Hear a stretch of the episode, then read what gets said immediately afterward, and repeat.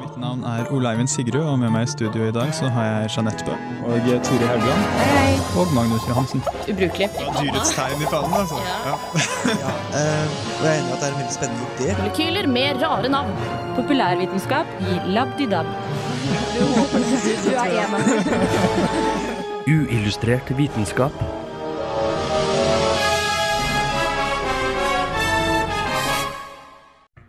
The Amazing Meeting, eller lettere sagt TAM, i London, samler skeptikere fra hele verden. Og dermed selvfølgelig også vår alles kjære Ole Eivind. I denne sendingen av Uillustrert vitenskap skal vi få høre litt om hva han gjorde og opplevde der. I tillegg forteller vi hvordan du kan freshe opp huden din, og hvordan du kan drepe noen ved hjelp av hacking.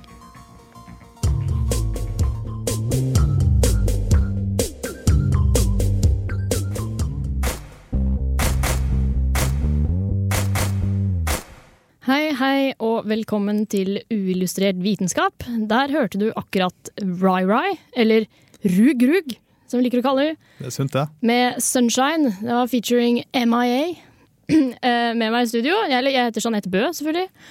Med meg i studio så har jeg Ole Eivind. Hei, hei. Og tekniker i dag er faktisk Harald, som nikker pent. Eh, Jeg har lovt bort eh, å snakke litt, eller Ole Eivind kan snakke om det. Eh, Dette her er skeptikerlauget han har vært på i, i London. Ja, det var stas. Og det gleder vi oss til. Så, men først så har vi lyst til å spille The Mars Volta med Eria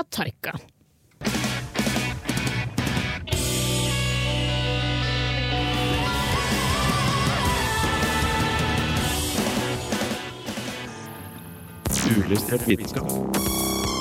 Radio Revolt. This is Charles L. Bennett from Johns Hopkins University. Science, it works, bitches. Ja, eh, du hører på Radio Revolt. Det vil si at du befinner deg sånn cirka på FM 100, vil jeg tro. Eller stream. Ja, det kan hende. Eh, Men over til noe viktig. Eh, Ole Eivind, du har vært, du har vært i London, du. Å ja. Hva, hva har du gjort der? Hva, du har vært på TAM, hva er det?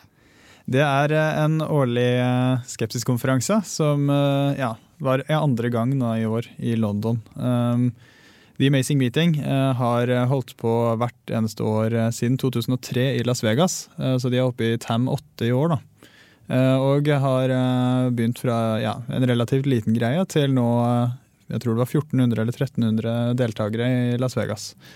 Eh, og så i fjor eh, bestemte de seg for å eh, starte opp i London. Da var jeg der òg. Da begynte de med sånn rundt 500 billetter, og de ble utsolgt på en time. Jaha. Eh, Så i år så var det 1000 billetter, da, og det kom sånn cirka det. Men hvorfor er det så populært? Hvem er det som er der? Ja, nei, eh, det er jo alle mulige slags folk, da. Eh, Ja, vi kan jo egentlig nevne at eh, hele The Amazing Meeting er jo drevet av James Randy Educational Foundation. En ja, forening ledet av James Randy, som har som mål å fremme kritisk tenkning og ja, vitenskapelig metode, debunke pseudovitenskap osv.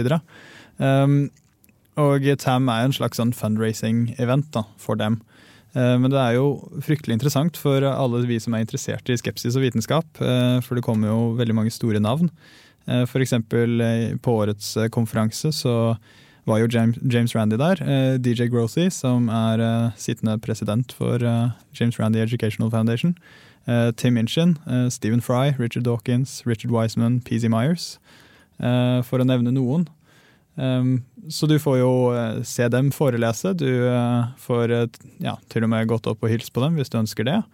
Og så møter du en haugevis med andre ja, mer eller mindre likesinnede, i hvert fall med felles interesser, som kommer fra hele verden. Men mange av de du nevnte nå, er jo profesjonelle komikere. Er det, er det mye morsomt? Er det, er det det det mest går ut på? At det er morsomt? Eh, ja, eller det er jo ikke det at det mest er morsomt. For- mest, eller det viktigste er jo at det er eh, informativt, men eh, det er jo absolutt morsomt. Eh, for eksempel, de har jo underholdning med Tim Minchin, han var der i fjor òg. han kom i år for å presentere en ja, førpremiere på en ny kortfilm, da, som er en ja, animert film til beatpoemet hans Storm. Um, og så var det jo en del andre komikere, som du sier, som um, ja, tar ofte opp skeptiske temaer i eh, humoren sin. Men hva slags folk er det som kommer på besøk? Altså eh, sånn som meg, mener Ja, ja. Ja, det er, det er mange sånn som meg, da. Eh, litt sånn nerdete, veldig opptatt av, av skepsis og vitenskap. Men du har jo også andre som ikke nødvendigvis er fullt så overengasjert og driver med ting selv, men som, som er stor fan av enten folkene som foreleser, eller ja, generelt glad i vitenskap. Eh, Så det er eh, alle mulige folk. Eh, Hva, hva var det som var best? Har du en favorittforeleser? Ja, eh, det jeg likte Eller én ting jeg likte veldig godt i år, var eh, at de, de ja, gikk litt utenfor det som ofte er på en måte standard skeptiske temaer, som uh, alternativ medisin og konspirasjonsteorier og sånn. Og blant annet så var Alan Moore, tegneserietegneren eh, Alan Moore, som skapte View for Vendetta, Watchmen og alt det der. Eh, og Graham Lineham, som har uh, vært med å skape Father Ted og Black Books og IT Crowd. og sånn. Um, og de var der og snakket om sitt, uh, som ja, litt sånn overraskende på en skeptisk konferanse, men det, det var veldig stas. Men uh, kanskje den talen som ja, traff meg mest, eller som jeg likte aller mest, det var kanskje Susan Blackmore. Um, ja, hun er tidligere parapsykolog, eh, var virkelig sterk troende på alt eh, overnaturlig og hadde bestemt seg for at det skal hun bevise, eh, og så har hun da blitt skeptiker. Da. En omvendt urtefitte, altså, som vi sier i Radio Revolt. Ja. ja. Du har jo intervjua dette kvinnemennesket. Det skal vi jo også få høre, men først så har vi lyst til å høre 22 med Flux.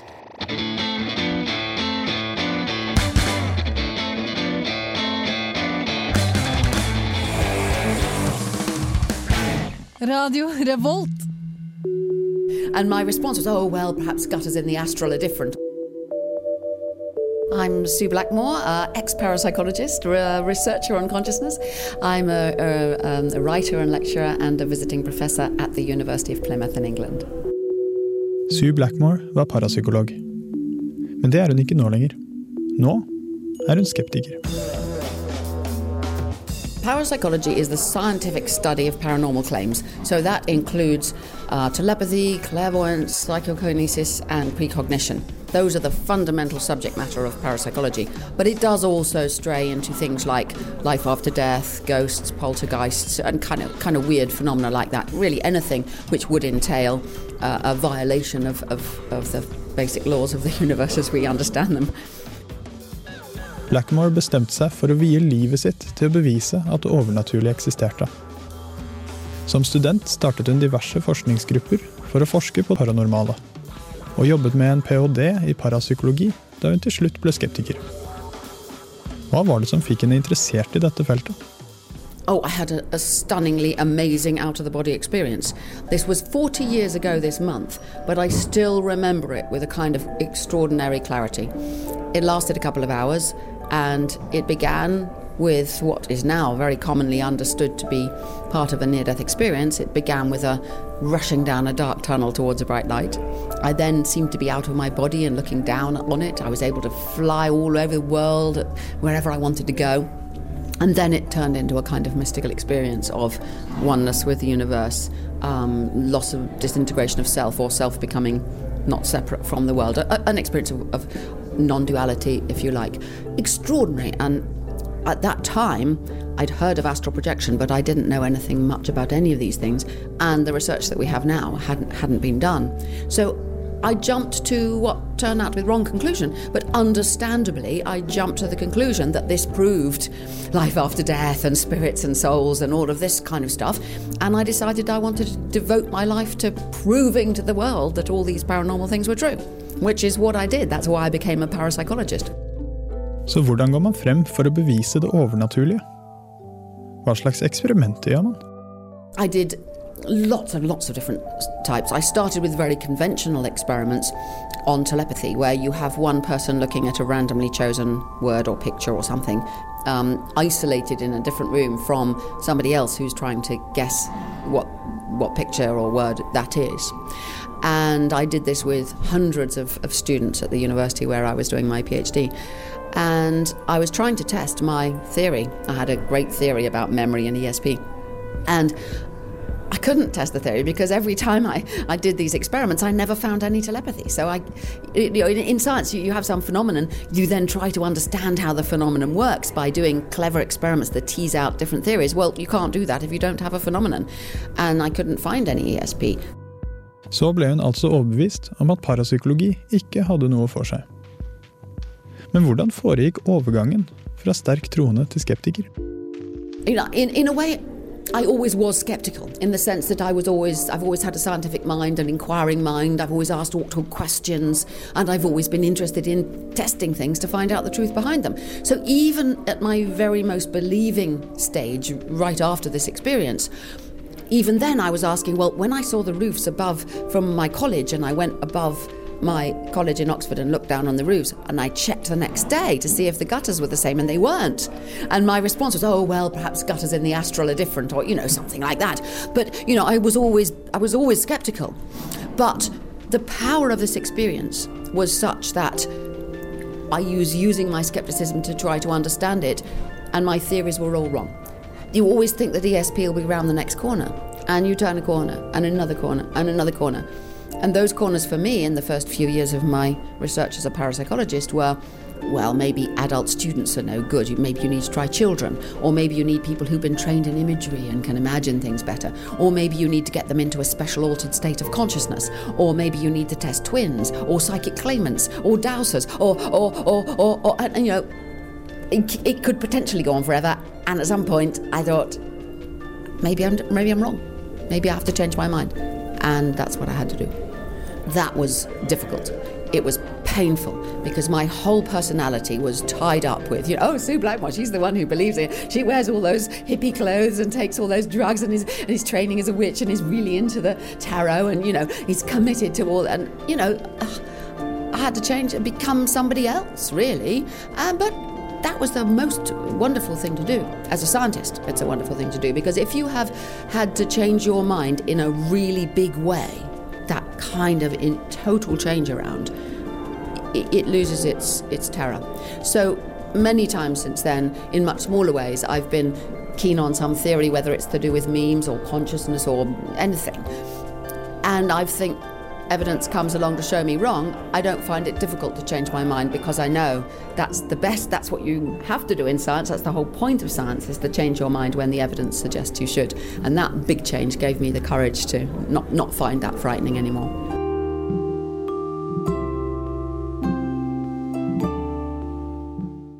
Ja, det var eh, Ole Eivinds intervju med denne her eh, Sue Blackmore. Og hun har jo blitt omvendt til eh, en eh, skeptiker og en ja, ganske vanlig person, bortsett fra det flotte håret jeg så på Wikipedia i stad, som er grønt og rødt og blått. Og det at hun Du sa hun mediterer hver dag fremdeles. Er ikke det litt rart hvis du har blitt skeptiker? Nei, eh, det er jo ikke nødvendigvis noe galt i meditering, med mindre man påstår at det har en eller annen overnaturlig eller ja, tåpelig virkning. Eh, Hun mener jo ikke det, men at hun får noe ut av å meditere, og det, det er jo for så vidt helt fint. Uh, Yoga er ikke nødvendigvis tull hvis man ikke tror at det helbreder deg, eller et eller annet sånt noe. Det er tull fordi det gjør vondt. Men ja, uh, over til uh, parapsykologien. Eh, hva, hva faen? Er det noen som gjør det fremdeles? Ja, det, det er det jo faktisk. Um, det, det tok jo veldig av på sånn 60-70-tallet. Uh, og så har det falt ganske kraftig i popularitet uh, siden 80 80-tallet. Um, og nå er det sånn for det meste så er det privat uh, finansiert og utført av private institusjoner, som f.eks. Dette Institute of Noetic Sciences, som ble nevnt i den forrige Dan Brown-boken, håpløst nok. Um, det er ja, et uh, institutt som uh, driver med bl.a. sånn parapsykologi og annen tulleforskning. Da. Uh, men uh, så Kanskje det mest kjente sånn parapsykologiinstituttet var uh, Princeton Engineering Anomalies Research Laboratory, ved da Princeton. Jaha. forkortes gjerne PAIR. Det Holdt eh, på i 28 år, eh, men ble stengt i 2007. Eh, Fordi de, de har jo da holdt på i, to, i disse 28 årene, og eh, folk har jo sammenlagt eh, ja, sett på all forskningen de har lagd. Har de funnet noe? Nei, de hadde ikke funnet noe. Brukt vanvittig mange millioner dollar på forskning, og ikke funnet noe som helst. Nå, nå er jo ikke jeg den som kritiserer forskning som ikke leder til noe. Eh, Forskning kan være verdifullt i seg selv, men dette her var snakk om eh, ja, sånn som eh, Blackmore nevnte. da. Eh, Man forsker på det, og så finner man ingenting. Og så bare Å ja, men da, da, må man, da må det ha vært derfor. Og så forsker man på det, og så fant man ingenting. Og så bare Å ja, nei, men vi, vi, vi tester dette, da. Ja, ganske typisk. Men hvordan, hvordan gjør de det her? Hvordan, er det de, hvordan holder man på med parapsykologi? Det spørs jo eh, veldig på hva du eh, forsker på, da. Men eksempel eh, hvis man skal forske på om ja, sånn om man kan lese tankene på folk, så har jo det klassiske eksperimentet vært at man har fem kort med fem forskjellige symboler. Stjerner, linjer, trekanter osv. Eh, Og så har da en person som utfører eksperimentet, sittet og sett på dette kortet, tenkt på det. Og så har da den som skulle testes, um, noen ganger vanlige personer, noen ganger folk som påstår at de har den evnen, uh, skal da si hvilket kort er det den personen ser på. Og så kan du regne statistisk på uh, er dette vill gjetning, eller klarer de det. Så Det er derfor det har blitt litt mindre populært siden 70-tallet. Det er fordi det, den statistikken de regner på, den blir vel ganske dårlig, må jeg Den tro. blir veldig dårlig. Eh, og så har man jo eksempler på forsøk der, eh, der det ser ut til å være en statistisk signifikant eh, effekt. Men da kan det sjelden repliseres, og ja. Enten så var det bare sånn ren tilfeldighet at det ble så positivt utslag. Det skjer jo. Eller så inni ja, noen tilfeller så har det vært snakk om juks. Blant annet et kjent eksperiment, eh, såkalt Gansfeld-eksperimentet. Der legges eh, testpersonen i et sånn veldig behagelig stol eh, med sånn halve pingpongballer over øynene. Og så blir de belyst av rødt lys, så de ser sånn bare sånn rosa lys. Og så får de øretelefoner med sånn hvitt støy. Sånn tsj. Ja. Og da på en måte ja, nømmes alle sansene. Og da blir man etter en sånn halvtime eh, eller noe sånt, nå, så blir man veldig utsatt for eh, ja, eh, hallusinasjoner. Og man begynner å se veldig mye rart da, når man ikke får noe sånn fornuftig stimulans. Ja, det er som en sånn saltvannstank. Sånn, ja, sånn, Ja, ja. litt sånn samme greie. Eh, Og da har de jo testet om hvis én en person blir vist en film eller et bilde, så skal denne personen i Gansfeld-maskinen skal da si hvilket, eller beskrive det bildet eller filmen. Eh, og da var det en som eh, fikk skikkelig signifikante resultater. eh, gang på gang. Eh, så Susan Blackmore stakk jo til ham eh, for å eh, hjelpe til å bli med på denne forskningen. Eh, Men hun fant jo at eh, der var det rett og slett juks, da. Ja. Så eh, ja. Det er mye tvilsomt. eh, Og så er det mange ærlige folk som er helt overbevist, men som er smarte til eh, og ja, oppegående til å rasjonalisere hvorfor de ikke får resultater. Da. Ja. Men eh, ja, vi har, det har jo skjedd andre ting innen forskning enn eh, akkurat uh, tennis-pingpongballer over øynene. Så vi skal høre litt eh, forskningsnytt etterpå, men først så skal vi høre Sofian Stevens med I Want To Be Well.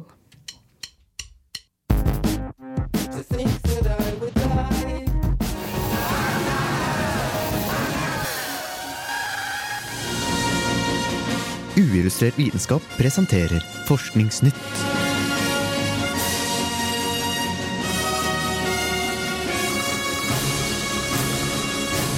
Forskningsnytt.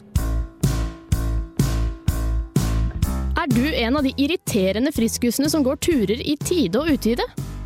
Da vil du bli glad for å høre at dette kan beskytte hukommelsen din. Med alderen vil hjernestørrelsen vår bli mindre, og dette vil føre til problemer med hukommelsen. Forsker Kirk Eriksen ved universitetet i Pittsburgh observerte gåvanene til 299 demensfrie mennesker, målte størrelsen på hjernen og noterte antall kilometer de gikk i uken. Etter ni år viste studiet at de som gikk minst én mil i uken, hadde mer grå substans i hjernen enn de som ikke gjorde det, og dermed utvikla mindre problemer med hukommelsen enn de andre.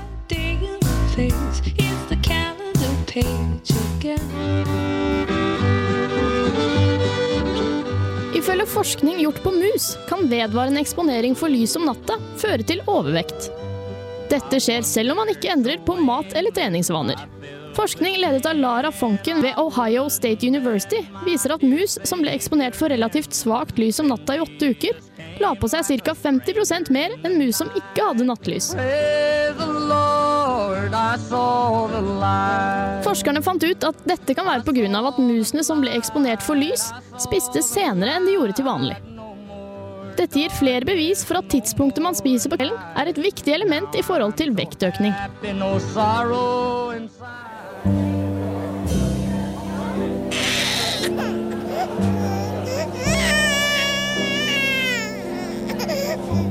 En bråkete restaurant kan distrahere deg fra den trivelige samtalen. Men ifølge forsker Andy Woods ved universitetet i Manchester kan den også påvirke din opplevelse av maten du spiser. Forskere rekrutterte 48 deltakere og fôra de med søte og salte kjeks og potetgull. Noen av de fikk høre bråk gjennom hodetelefoner, mens andre fikk sitte i stillhet. Det viste seg at deltakerne som hørte bråk, opplevde maten som mindre søt eller salt enn de som spiste i stillhet. Wood sier at dette viser at vår opplevelse av mat har en sammenheng med hvor oppmerksomheten vår ligger. Om bakgrunnsstøyet er høyt, vil det trekke oppmerksomheten vår vekk fra maten.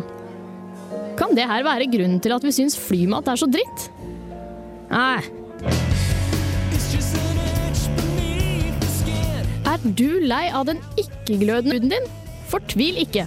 John Rogers og hans team fra universitetet i Illinois har nå satt bitte små lysdioder, mindre enn tuppen av en penn, på fleksible elektroniske ark. Disse arkene kan strekkes og skrus opp til 720 grader uten å tape noe av sin LED-funksjon. Og best av alt, de kan plasseres under huden. Rogers konsentrerte seg selvfølgelig mest om hvordan dette kan hjelpe menneskeheten. Men drit nå i det. LED kan nå bli den nye tatoveringen. Hva med en sexy lysende hodeskalle over hele ryggtavla? Eller kanskje du vil friske opp den gamle grå katta med et lysende innebygd halsbånd?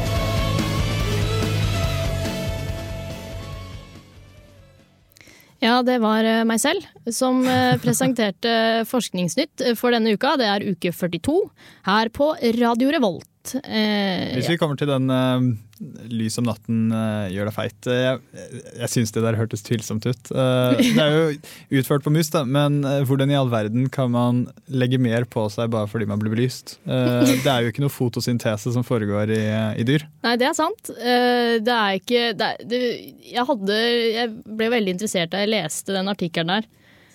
om at lys skal gjøre meg feit. For da skal jeg passe på å skru av lyset, tenkte jeg. Men mm. det er jo ikke lyset rett og slett. Det visste vi jo egentlig.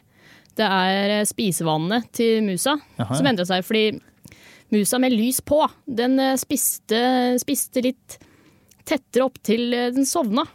Eller spiste på uvanlig tidspunkt. Hm.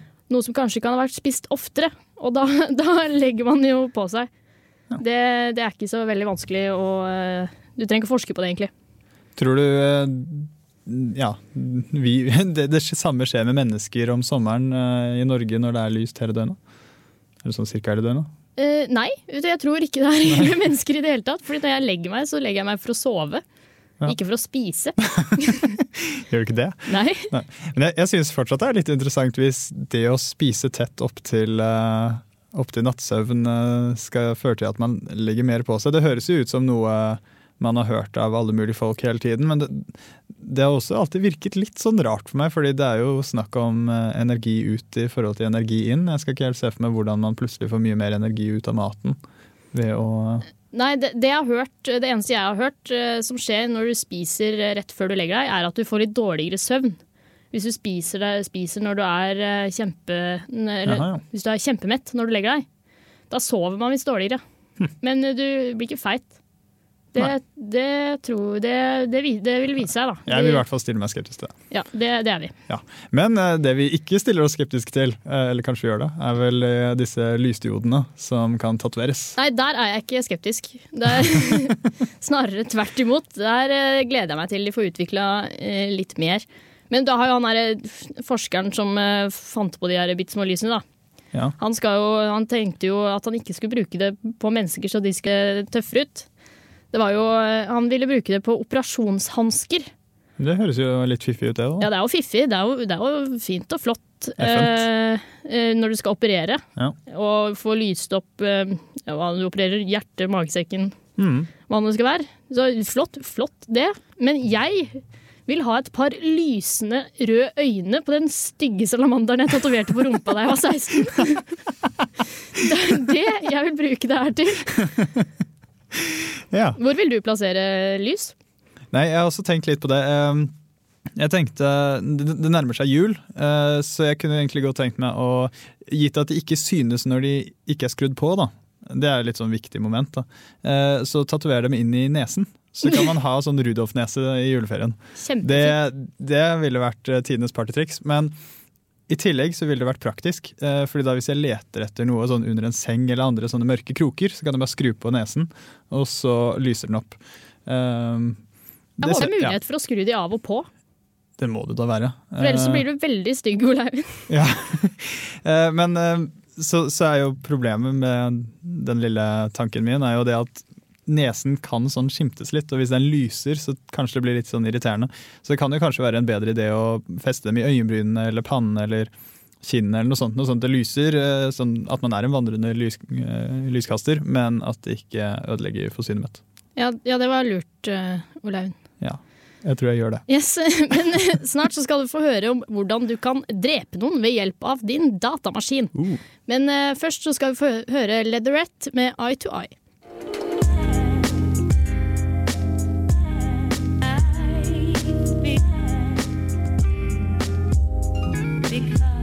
I'm James Randi, and you're listening to Unillustrated Science. En million pacemakere blir hvert år operert inn for å hjelpe defekte menneskehjerter. Disse maskinene redder liv, men flere av de nyeste variantene benytter trådløs kommunikasjon. Noe som dermed gjør at de også kan hackes. Dataingeniøren Tadayoshi Kono og kardiologen William Maisel fra henholdsvis institutter i Seattle og Boston har advart om at denne muligheten er skremmende reell, og anbefaler myndigheter om å gjøre noe med det her. De sier at slik som legemiddelproduksjonen for en generasjon siden, står medisinske apparater nå i dag ovenfor en sikkerhetsmessig sårbarhet som skal adresseres gjennom regulative og vitenskapelige handlinger. Akkurat nå er det opp til hver enkelt fabrikant hvorvidt disse apparatene skal sikres mot hackerangrep. Derfor etterlyser forskerne internasjonale retningslinjer. Men eh, hvordan hacker man nå egentlig en pacemaker? Svaret finner du ved hjelp av en datamaskin, et oscilloskop, gratis software og en trådløs radio. Forskere klarte ved hjelp av disse lett tilgjengelige komponentene å gi en fiktiv pacemaker-bruker et støt på 137 volt. Nå må man jo riktignok helt inntil en person for å eventuelt hacke han eller hun i hjel. Så å bli snikmyrdet av en hacker er foreløpig kun teoretisk, siden det fremdeles er mye enklere å bare skyte vedkommende.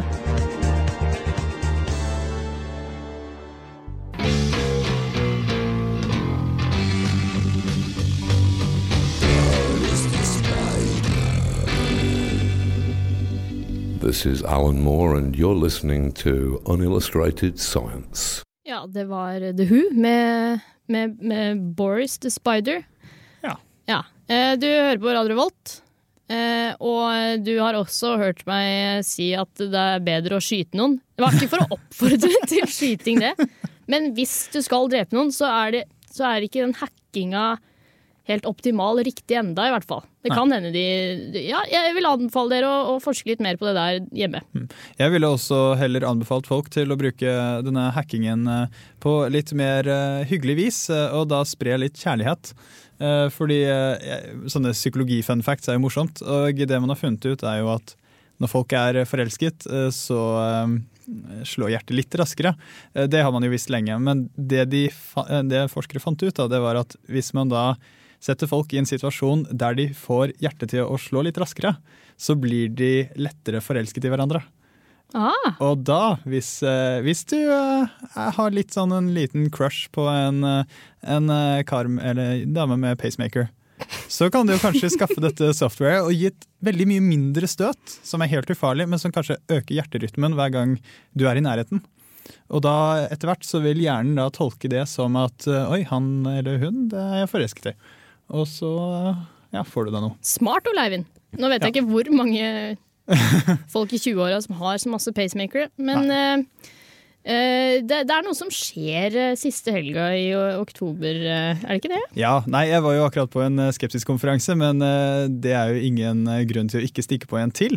Nei. I Oslo siste helg i oktober så arrangeres Norges første skepsiskonferanse, Kritisk massa. Eh, Der kommer annet Simon Singh og Rebecca Watson fra utlandet, og en haug med Fra utlandet. fra utlandet, det store utland. Eh, og så kommer det en haug med norske og svenske skeptikere. Eh, det blir kjempebra. Og så kan jeg kanskje også nevne at jeg har veldig liten journalistisk integritet på akkurat dette området, da jeg er en av arrangørene. Men eh, likevel, eh, kom, kom. Eh, vi kommer til å dekke det. Vi begynner å få eh, eh, litt eh, liten tid nå, Ja. så vi må eh, takke for oss denne uken. Du vil få høre mer om Tam neste uke. Her har du Patti Smith med Gloria. Ha det. Ha det godt.